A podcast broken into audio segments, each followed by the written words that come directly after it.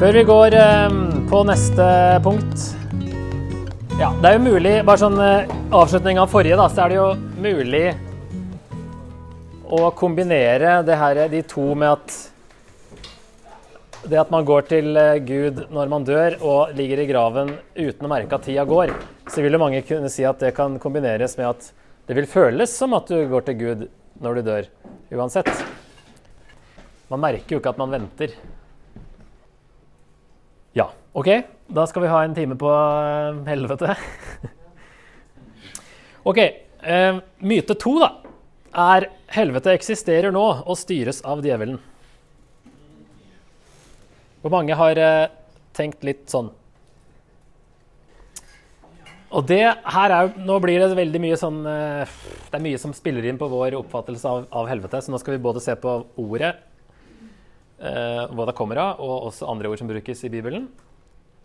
Eh, men for å ta det her først, da, om helvete eksisterer nå, og at djevelen liksom styrer der og Ja, det kan ganske greit eh, avkreftes av eh, Matteus 25, 41.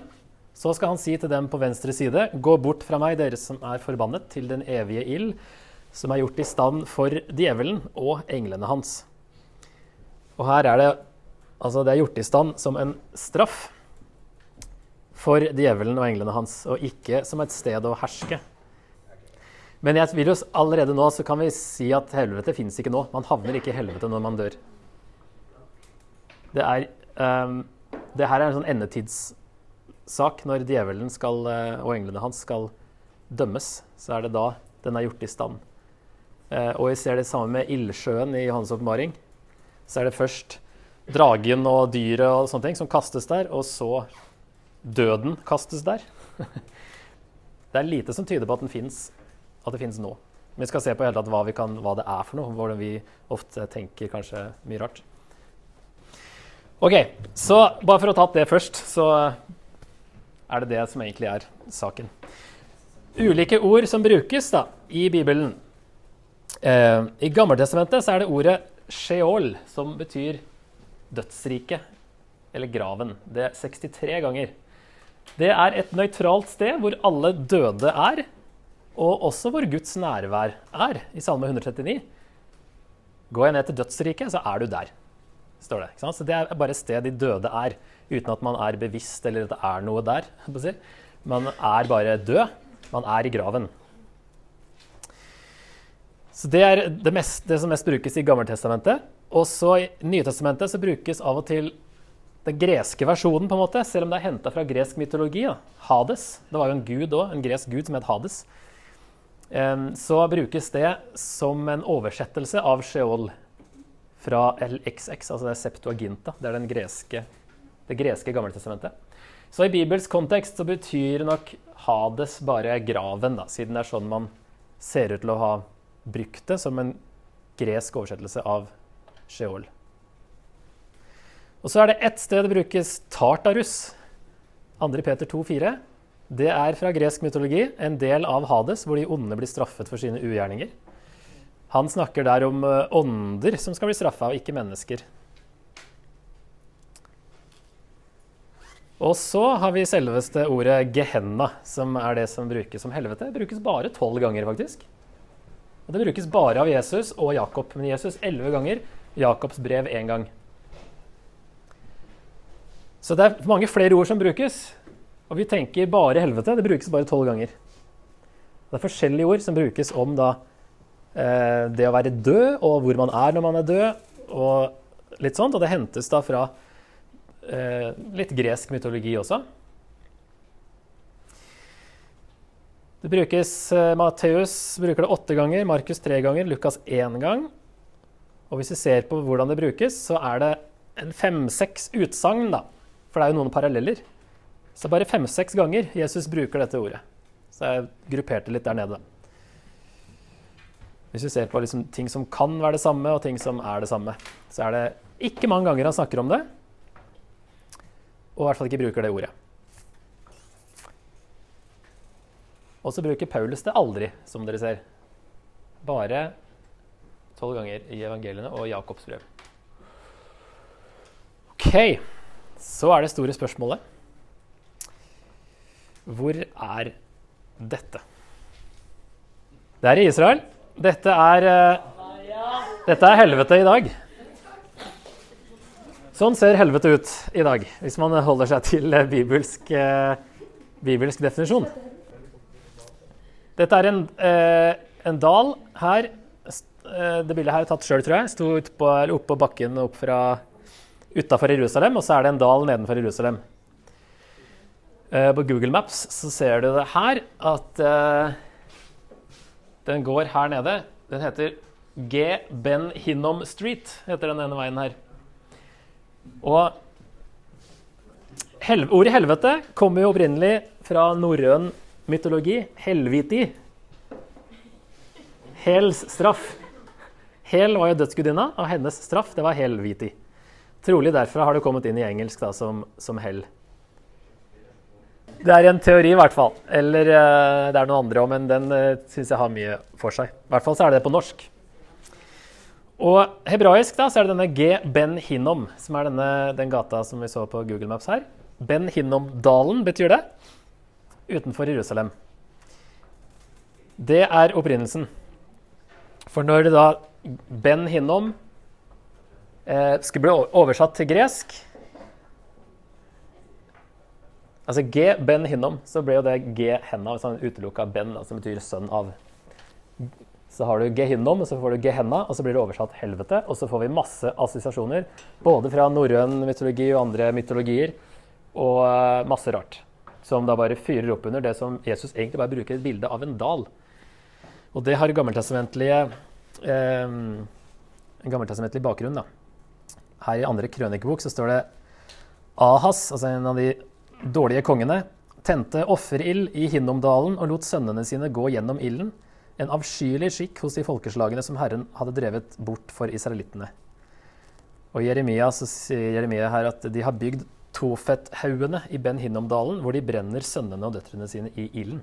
Her drev de med barneofringer i denne dalen utenfor Jerusalem. Og det bildet er det som Jesus tydeligvis henter fra Jeremia. Det er i hvert fall ingenting vi har ingenting som tyder på at det ble brukt altså Vi vet i hvert fall ikke at det ble brukt mellom Jeremia og Jesus. Vi har ikke noe bevis på det. Så det tyder på at Jesus henter det fra Jeremia. Og vi, hva, vi må se litt på hva, hvordan det brukes da i Gammeltestamentet. Men det er et sted der de ofra barn. Så eh, det, her, det, her, er jo ikke riktig dal. Her er den dalen i dag. Um, Jeremia 7 så står det litt langt, langt, å lese, men det står at Ben Hinnomdalen er der Gud skal ødelegge de frafalne av sitt folk, og den skal kalles Drapsdalen, står det. Så det er altså et, noe dom som skal skje der, fordi de har drevet og ofra eh, barn og vært langt borte fra Gud. Da. Peker dette fram mot den endelige dommen? Um, kanskje det er sånn det har blitt et bilde da, som Jesus tar opp, fordi det står òg at dager skal komme fordi det ikke er gravplass andre steder. Altså, det kan være en sånn frampek der da, at det her allerede Jeremia er et bilde på den endelige dom. Eh, og Derfor kan Jesus bruke det når han snakker om det. At det allerede hadde blitt et bilde på fortapelsen. på en måte. Men det er et bilde. Det er jo det viktigste å få fram her. Og Jeremia 31, 40 står det hele dalen med likene og alle skråningene ned til Kedron-dalen, det er altså nabodalen, da, skal være hellig for Herren. Og det står i kontekst av den nye pakt og dager som skal komme. Det òg viser kanskje en sånn frampek da, mot slutten av historien. At den dalen her, det bildet, peker fremover på et eller annet. Så vi kan si at denne Ben Hinnom-dalen symboliserer Guds dom over de onde. Og at det da er symbolsk om å være utenfor det nye Jerusalem, fordi det er, ligger jo rett utafor Jerusalem. Og ved å trekke den linja til det nye Jerusalem, så er det på en måte de som er utafor, som dette, denne, dette, bildet brukes om. da.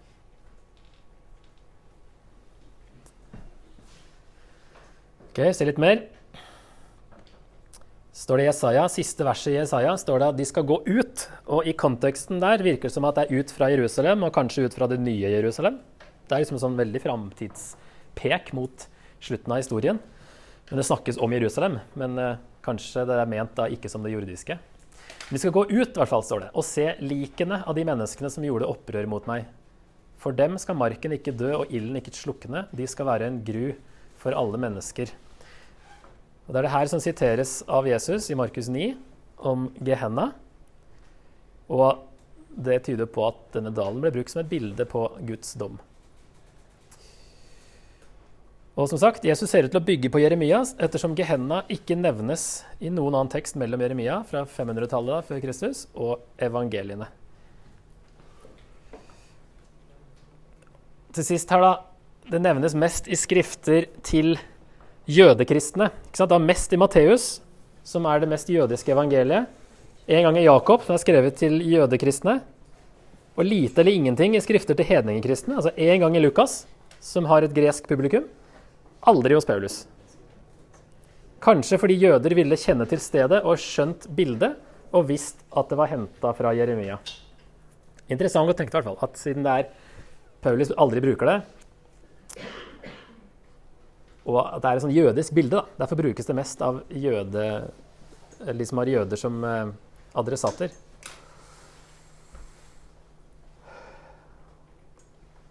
Vi skal snakke mer om det Jesaja-verset etterpå. Men det her er altså bakgrunnen for uh, dette spesielle ordet. Da. Så det blir i hvert fall bilde på dommen, men ofte så, det er en sånn derre Vel en slags Ja ja, det, jeg kan ikke kalle det myte, men ofte så forklares det som at uh, denne dalen var en sånn søppelfylling der det alltid brant en ild. Og at, og at det derfor brukes som liksom at helvete og ild og la, la, la.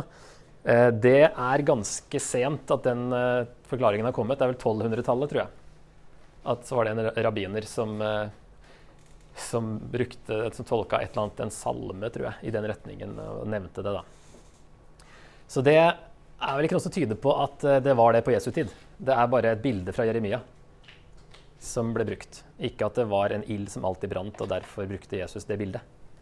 Men det var allerede et bilde på en slags fortapelse eller på dom, da. Så sannhet to, for å erstattes myte to. Helvete eksisterer ikke nå og er ikke et sted hvor djevelen regjerer. Døde ligger i graven fram til de dødes oppstandelse, da de skal stå opp til dom. Og dom er en god ting fordi Gud er god, derfor dømmer han det onde. Derfor er dom en god ting i Bibelen, fordi det onde dømmes. En god gud som ikke dømmer det onde, er jo ikke god. Som bare lar alt skli unna og ja, ja, det går greit. Det er jo ikke en god gud. Men vi skjønner ikke det, for vi har det for bra. Vi lider sjelden. Opplever aldri krig. Eller andre, i hvert fall ikke de fleste av oss. Um, sånn at vi har ikke den forventningen om at Gud skal gripe inn og rette opp ting. Det er jo det dom egentlig er i Bibelen. Den dagen Gud griper inn for å rette opp igjen og gjøre, gjøre ting rettferdig igjen. Men vi har det for bra til å skjønne at dom er positivt.